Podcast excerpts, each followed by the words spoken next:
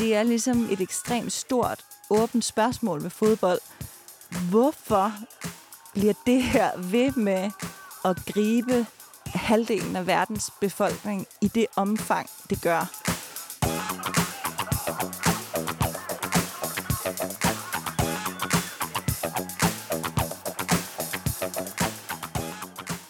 Velkommen til Fodboldsprog. Mit navn er Morten Amitsbøl, og i det her afsnit, der lægger vi os op på Brixen og gør os klar til at snakke med en vaskeægte terapeut. Vi har nemlig fået besøg af Katrine Lundager. Katrine, hun har en baggrund som kulturjournalist og har skrevet en hel masse meget, meget anbefalelsesværdige artikler om fodbold og fodboldkultur for blandt andet Politikken og Dagbladet Information – i de senere år, der har Katrine også ernæret sig som terapeut, og især som parterapeut. Og det tænker du måske er lidt en afstikker fra de emner, vi normalt berører her i fodboldsprog. Men som Katrine hun meget præcist beskriver, så er der faktisk en hel del overlap mellem de følelser, som optræder både i terapilokalet og på fodboldlægterne. Katrine hun beskriver også, hvordan hun mener, der faktisk er en hel del positive terapeutiske aspekter tilknyttet fodboldkultur og det at gå op i fodbold. Og så fortæller hun lidt om, hvordan hun selv begyndte at skrive om fodbold. Og det startede faktisk med en oplevelse af, at hun ikke synes, fodboldsproget var særlig præcist, eller ikke rigtig berørte det, som hun selv oplevede var kernen af fodboldpassion og fodboldkultur. Til allersidst så anbefaler Katrine også en god og virkelig, virkelig underholdende fodboldbog, som du kan glæde dig til at høre om. Ikke mere herfra lige nu. Lad os se at komme i gang. God fornøjelse og god kamp.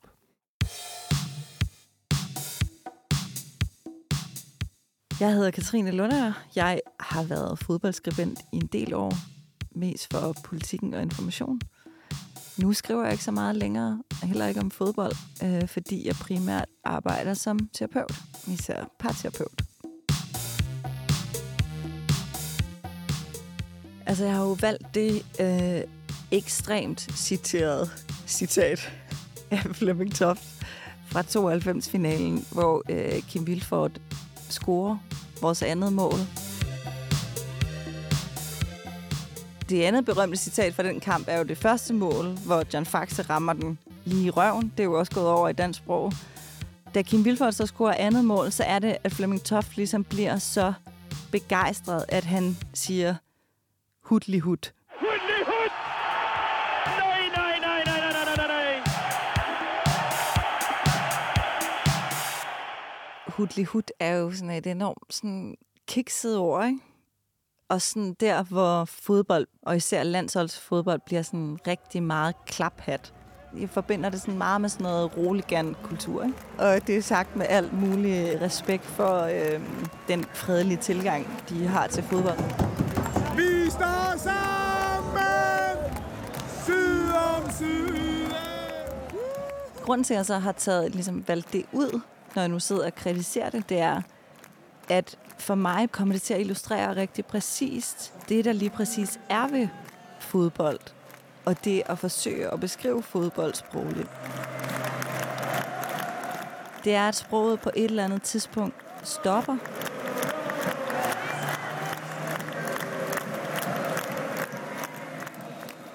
At det kan blive så stort, eller sublimt, vil man måske sige, at det på en eller anden måde undsiger sig at blive indfanget sprogligt.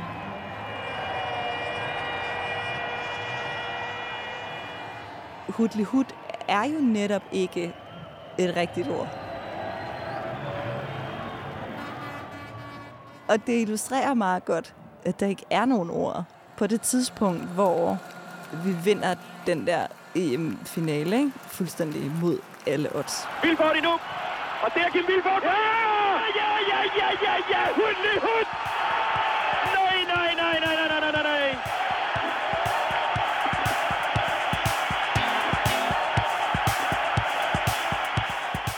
Det må lige præcis være noget, der sådan er kommet til ham fra et eller andet sted, ikke? Fordi der ikke har været andet at sige. på en eller anden måde, så rammer det meget præcist også den udfordring, som jeg kender fra at skulle formidle fodbold. Da jeg startede med det, så var det dels helt klart mest mænd, der skrev om fodbold, og det er jo stadigvæk helt klart mest mænd, ikke? Og der er det selvfølgelig en anden snak i det der med, sådan, om hvordan formidlede jeg fodbold anderledes på grund af mit køn. Men der var også noget i at komme fra en kulturbaggrund, frem for sådan en journalistisk sportsbaggrund, ikke? Fordi meget af det fodboldjournalistik, der er, er jo stadigvæk kampreferater, ikke?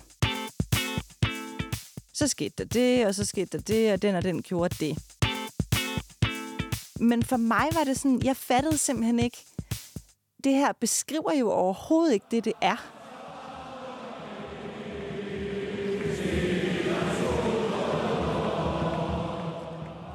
For mig har det centrale ved fodbold altid været følelser.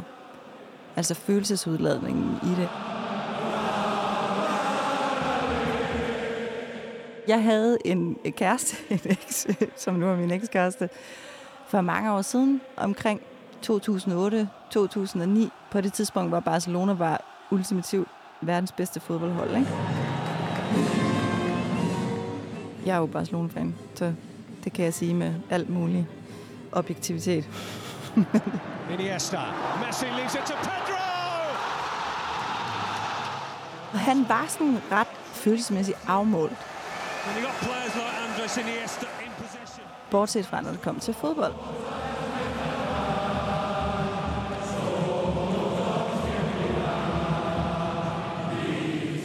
Og så blev jeg ligesom meget interesseret i, måske fordi jeg også har en kulturteoretisk baggrund, det der fodboldkultur, som jo eksisterer på stadion og i klubberne, men det eksisterer jo også i de der små fællesskaber derhjemme, ikke? hvor der er de der ritualer.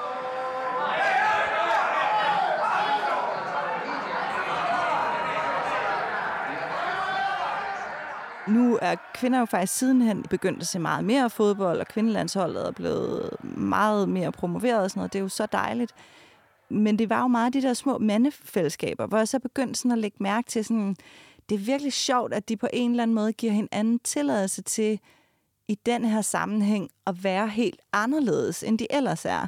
Her må man gerne ligesom kramme, og man må faktisk gerne græde, og du må gerne øh, blive vred og rulle dig rundt på gulvet og sådan noget. Ikke?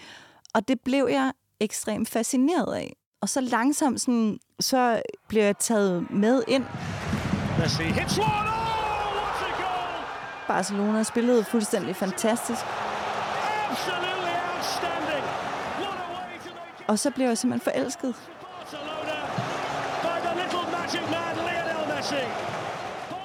Og så blev jeg mere og mere optaget af, hvordan er det så egentlig, vi kan prøve at beskrive det her mærkelige fænomen. For the second goal for Barcelona når man havde de der opgør, på det tidspunkt de der klassiko-opgør mellem Madrid og Barcelona, som var så fortættet, ikke? Cristiano Ronaldo is losing his court. Og så ligesom bagefter skulle læse sådan, om så gjorde Messi det, og han scorede der, og Ronaldo gjorde det, og altså det var sådan helt sådan, jeg tænkte sådan, jamen, det var overhovedet ikke det, der skete. He's got to go. He goes from bad to worse to ridiculous for Real Madrid. Så det var lige så meget også et udslag, jeg simpelthen synes, okay, men sproget er totalt upræcist her. Det får ikke beskrevet den oplevelse, det rent faktisk er. Sportsjournalistikken og fodboldjournalistikken, i hvert fald i sådan de store, populære, unørdede medier, kommer det også meget til at gentage sig selv dels altså, er der jo de sproglige klichéer, men også det der rent fortællemæssige i, sådan, så har vi lidt nogen, der er outsider, og nogen, der er favoritter. Nogle urfortællinger selvfølgelig. Og så den der lidt mere gængse også fortolkning af nationalidentiteter og sådan. Især op til sådan nogle store slutrunder, ikke?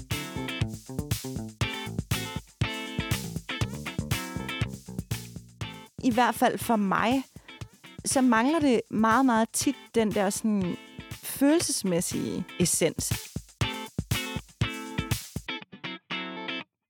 Jeg ved jo ikke øh, nær så meget om fodbold, som alle mulige andre professionelle fodboldskribenter gør jeg er heller ikke en specielt dygtig kampanalytiker jo. Altså det er der jo nogen, der er 100 gange bedre til, hvad for nogle formationer spillede de i, hvordan ændrede de taktikken undervejs. Altså du ved, sådan hele det der, som der er mange, der går rigtig meget op i med fodbold, ikke?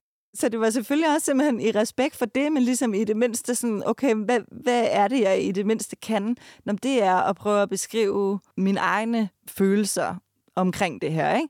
Altså tage udgangspunkt i min specifikke oplevelse. Og det er jo helt sikkert også lykkedes bedre og dårligere nogle gange, ikke? Men at prøve at få den ligesom lille oplevelse til at spejle sig i den store.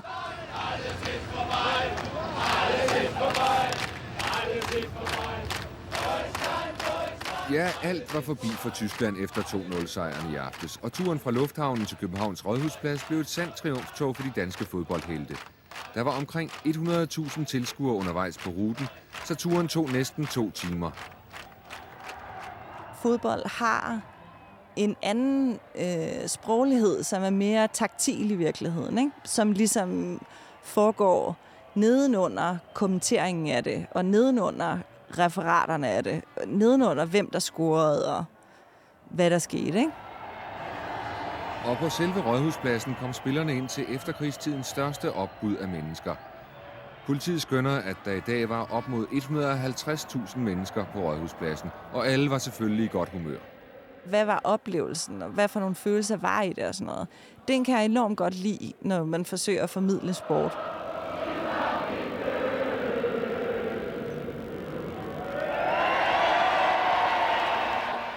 Jeg startede jo også med at skrive i politikken, hvor jeg havde ligesom et fast klummeformat. Og klummeformatet er jo per definition ligesom også personligt i udgangspunktet. Ikke? Og så skal du jo helst ligesom... Det personligt bliver jo kun interessant, hvis det på en eller anden måde peger ind i noget universelt. Men det gør det så heldigvis tit, hvis man ligesom er opmærksom på at gå dybt nok i følelserne. Ikke? Fordi vi ligner alligevel dybest set ret meget hinanden, når det kommer til stykket. Og så kan du sige alt muligt om penge og øh, branding og alt det der, som er sådan fucked up og helt vildt træls, ikke? for nu at bruge et godt jysk udtryk.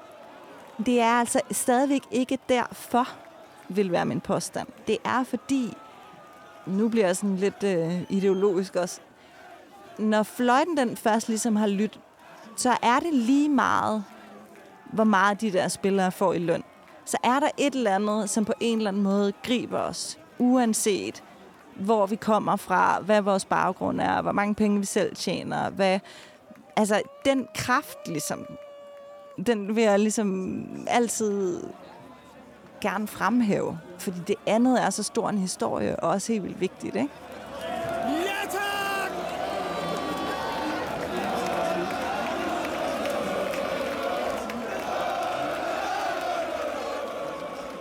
Det var jo også det, der skete der under slutrunden 21. Ikke? Hele den der oplevelse med det der landshold og Christian Eriksen, der var ved at dø og sådan noget. Det var jo også sådan vildt på den måde, at det blev sådan pludselig taget ud af noget, som sport og journalistik på en eller anden måde ikke kunne rumme.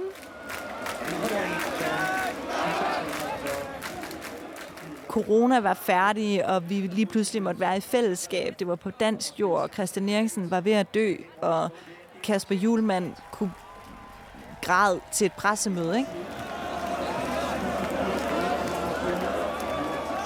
Peter Smeichel snakkede om i kommentatorstudiet, at, øh, at drengen gik til psykolog og alt det der, ikke? Og det var nemlig på sådan en måde, hvor jeg grinede lidt af det, hvor jeg tænkte sådan, okay, der, der er virkelig der er virkelig sket noget her, som også stadigvæk er lidt akavet for nogen. Ikke? Sådan, vi, skal ikke, vi snakker ikke for meget om det, men de, de her drenge er begyndt at snakke om deres følelser, ikke fordi de har haft en kammerat, der rent faktisk altså, var ved at dø på banen. Ikke?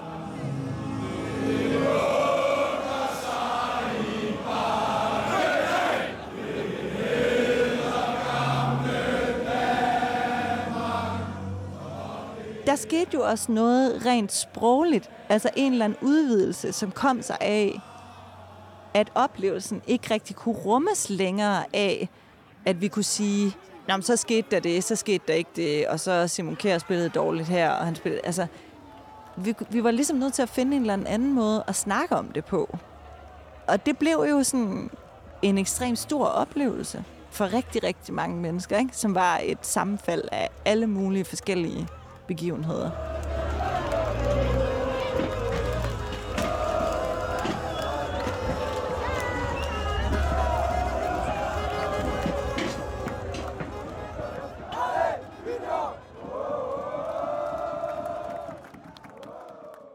Begyndelsen blev jeg også fascineret fordi det på en eller anden måde har en særlig rolle, altså fungerer som det der frirum, den der ventil i rigtig, rigtig mange menneskers liv, ikke? især i mænds liv.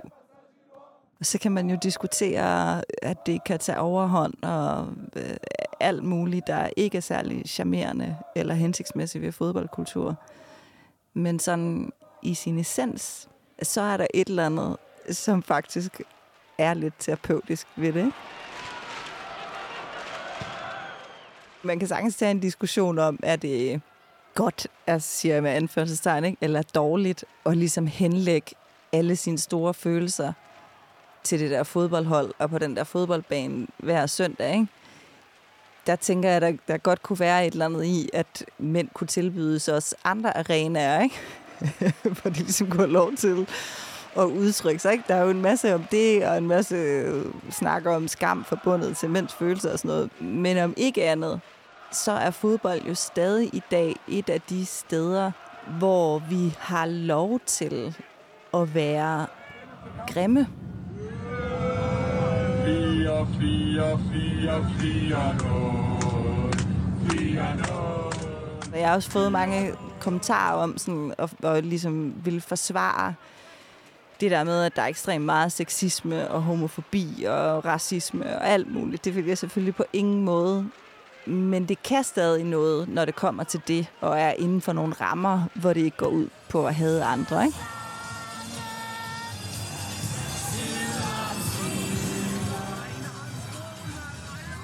En positiv ligesom, erfaring, som jeg har gjort mig ved at blive parterapeut, har faktisk været, at mænd er faktisk rigtig, rigtig gode til når vi sidder i det rum, og egentlig sætte ord på deres følelser. Det har faktisk været positivt overrasket over, ikke? fordi vi måske også har sådan en tenderer til at have sådan en fortælling om, sådan, at mænd de kan ikke finde ud af at snakke om følelser. Når vi først ligesom sætter os der, så er der i hvert fald en ekstrem stor øh, vilje til rigtig gerne at ville tale med deres kæreste om følelser. Ikke? Men der kan jo være alle mulige grunde til, at det er ret svært for rigtig mange derhjemme og det er egentlig det, hvor jeg egentlig godt kunne se, når man fodbold på en eller anden måde faktisk kan gøre noget rigtig godt. Det er det der med at tilbyde mænd muligheden for at have lov til at have en masse følelser. Fordi selvfølgelig er der sket meget på det punkt og sådan noget. Men jeg tror, jeg tror stadigvæk, og det kan jeg også se fra terapirummet, der er rigtig meget skam forbundet til mange almindelige menneskelige følelser for mænd, ikke? Altså, og, og græde, eller det er der jo ikke stadigvæk særlig mange, der gør, ikke? Eller, og, øhm, altså, der er mange følelser, som mænd på en eller anden måde tolker som svage, fordi vi på en eller anden måde alle sammen kulturelt set har fået fortalt, at det her er en god måde at være på, og, og det her er egentlig ikke en god måde at være på. Ikke? Og det samme gør vi jo for kvinder, men det er så nogle andre ting. Og der kan jeg enormt godt lide fodboldens ligesom demokratisering i forhold til følelser. Ikke? Altså, man må virkelig gerne være super glad og begejstret, og du må virkelig gerne være super nedtrykt og super vred. Ikke? Og det er helt klart en af grundene til, at jeg selv ligesom er blevet meget forelsket i det, fordi det virkelig har føltes som et frirum. Om det så også kunne være rigtig fedt, hvis vi ligesom kunne tage noget af det med tilbage i parforholdet, ikke? eller give hinanden det der frirum til at være sådan, det tror jeg, og jeg har også, altså, jeg har også altid synes, at det var derfor, at det kunne være fedt, at flere kvinder så fodbold. Altså dels kan der være alt det der med, at det er også en magtfaktor i verden, og øh, at der ligger en masse økonomisk magt og sådan noget. Så det er altid bare rigtig irriterende, når når det kun er et køn, der ligesom sidder på den. Men egentlig som i, det her er faktisk et sted, hvor man må have lov til at stå med snot ud af begge ører, var jeg lige ved at sige, ikke? Og bare have det på alle mulige måder. Og det har vi alle sammen brug for.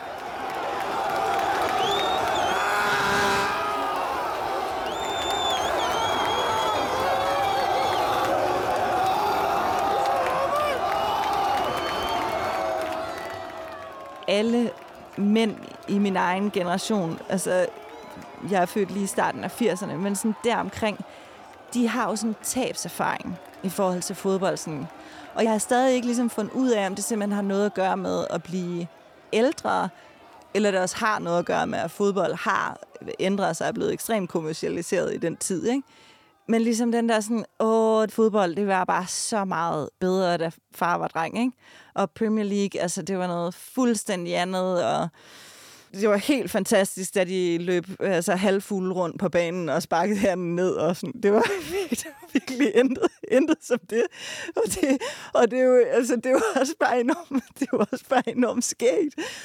Men hele den der sådan, ligesom, tabserfaring, tror jeg meget gør, at det meget har fået sådan ja, hvis du er rigtig fodboldfan, ikke, så handler det kun om, om det på banen, ikke? og så skal du virkelig vide noget om 4-4-2 og sådan. Hvorimod nemlig indpakning, altså hele det der, der sker udenom, har altid interesseret mig rigtig meget. Så jeg har også kæmpet med undervejs ligesom at føle sådan, at det var et andenrangsperspektiv på en eller anden måde. Ikke? Men samtidig vil jeg til hver en tid hæve det, at det slet ikke er uden betydning. Ikke? På et tidspunkt interesserede jeg mig rigtig meget for, Øh, hele Messi har jo også taget en ekstrem sådan, ydre forvandling, ikke? Så han fået store tatoveringer, og på et tidspunkt, da han kom tilbage i Barcelona, så afbladede han sit hår og var helt sådan, ikke? Og det var på en eller anden måde også et udslag af en større forvandling, som du også kunne øh, se på banen. Ikke? Altså, han røg, lidt mere, han røg lidt mere ned på midtbanen og fik sådan lidt mere en øh, bad boy-attitude og sådan noget. Der var helt klart nogle ting, ikke? Og så noget er jo kulturanalyse, hvor det bliver allersjovest. Men det er som om, det er ikke helt anerkendt som lige så vigtigt, vel? Man skal ikke kommentere for meget på Messis frisyrer. Du skal mere kunne sige noget om, hvordan han er med venstre benet. Jeg savner det perspektiv af sådan sport og det, der foregår på banen, bliver jo sværere og sværere at betragte, også hvis du skal ligesom dække det på en eller anden måde journalistisk sandfærdigt, så bliver det sværere og sværere at betragte det som ligesom bare en afkoblet sfære helt for sig selv. Ikke? Og det, det har sådan nogle slutrunden i Katar og sådan noget været virkelig, virkelig gode eksempler på, at det langsomt jo flyder mere og mere ud. Ikke? Det gør det selvfølgelig sådan rent politisk, men hvad skal man sige, det har sporten jo altid haft trådet ud i. Men hele den her del af hvem er de her fodboldspillere, som jo fylder mere og mere også som magtfaktorer, ikke? økonomiske magtfaktorer i, i verden, og som fylder ekstremt meget som rollemodeller for virkelig, virkelig mange drenge og piger. Ikke? Altså, de har faktisk ret meget stor magt ud over det, der foregår på fodboldbanen. Så det bliver sværere og sværere at betragte det som bare ligesom noget, der sker som god underholdning. Ikke? Og det kunne vi måske godt interessere os mere og mere for.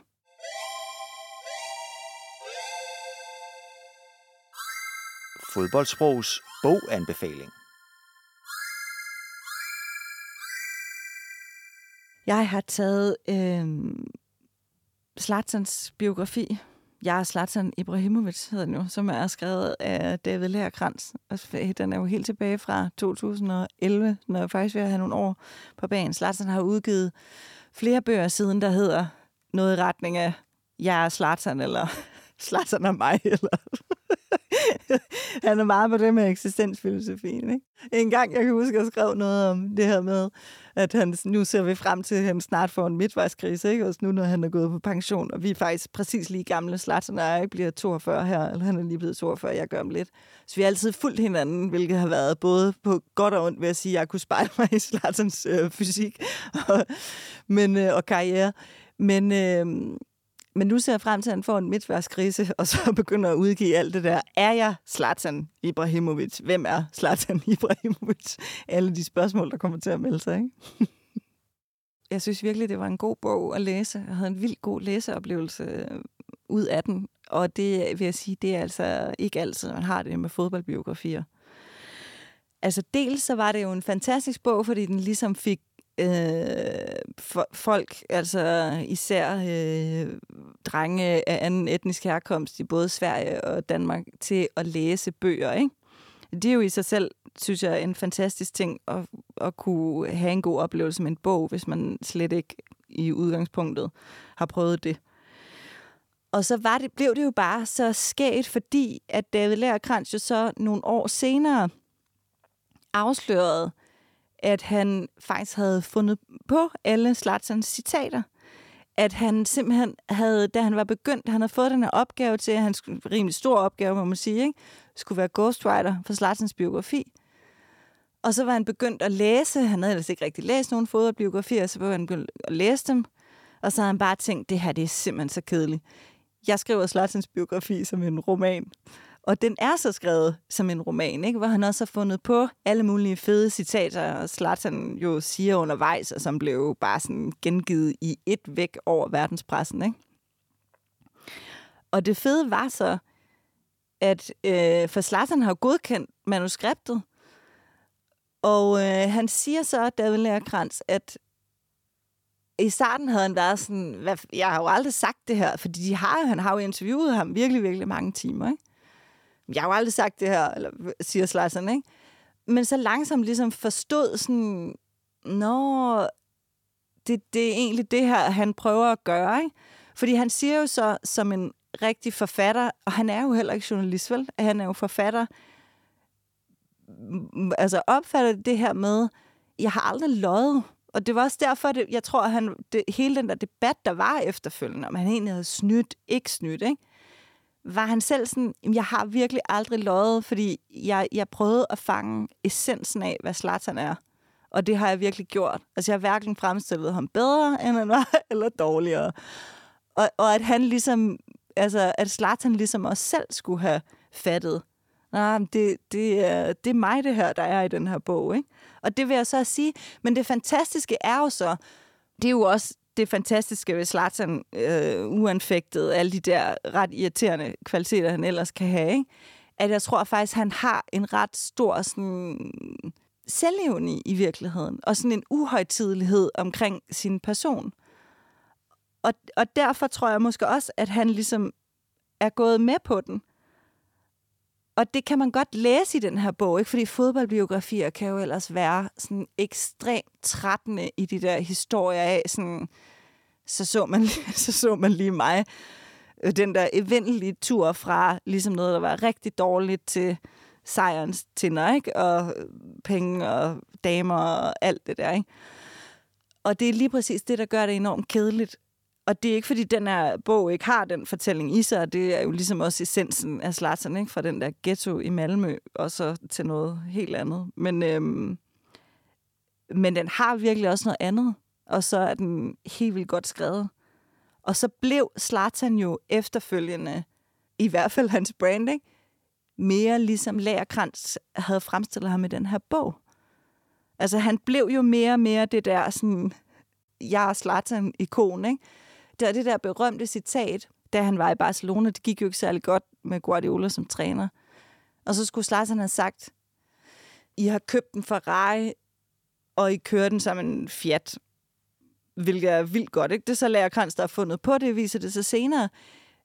Men øh, Zlatan har jo tit købt Ferrari'er, som han viser på sin Instagram, og ligesom, altså, så, så selv det der, hvor jeg sådan har tænkt sådan, da han blev 40, der gav han sig selv en guld Ferrari og sådan noget. Så det er jo sådan et fantastisk branding-projekt på en eller anden måde, for Slatsen er virkelig blevet mere som Slatsen fra bogen efterfølgende. Det er jo bare blevet en pissegod bog, verden har fået til forskel fra noget, som ærligt talt måske ville have været ret, ret øh, kedeligt, fordi meget kan man jo sige om fodboldspillere, men vi vil jo altid gerne have dem til at sige alt muligt, altså bevinget, ikke? Altså forløse de der oplevelser af, hvordan var det at score det der mål? Ikke? Hvordan er det at stå der som et lille menneske foran det der store mål, og alle kigger med? Altså de der enormt sådan, betydningsfulde momenter. Og problemet er bare, øh, meget apropos hudlig hud, at det er bare svært at beskrive og sætte ord på. Og det er især endnu sværere at sætte ord på noget, hvis det ikke er det, du har øvet dig i på dit liv, men du har haft alt for travlt med at træne din saksespark, som Zlatan sikkert har, ikke? Og sin Playstation-tricks.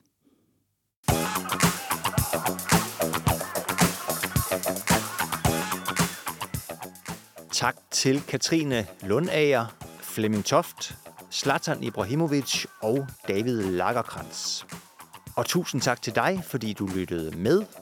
Vi er snart tilbage med nye afsnit og nye bud på det bedste og mest sublime fodboldsprog. Indtil da, pas rigtig godt på dig selv, og vi slutter selvfølgelig med et citat fra kongen af fodboldcitater, nemlig Zlatan Ibrahimovic himself. Han fortæller her, hvordan han afdriblede den svejsiske forsvarsspiller Stefan Henschos. Først gik jeg til venstre, det gjorde han også. Så gik jeg til højre, det gjorde han også. Så gik jeg til venstre igen, og han gik ud for at købe en hotdog.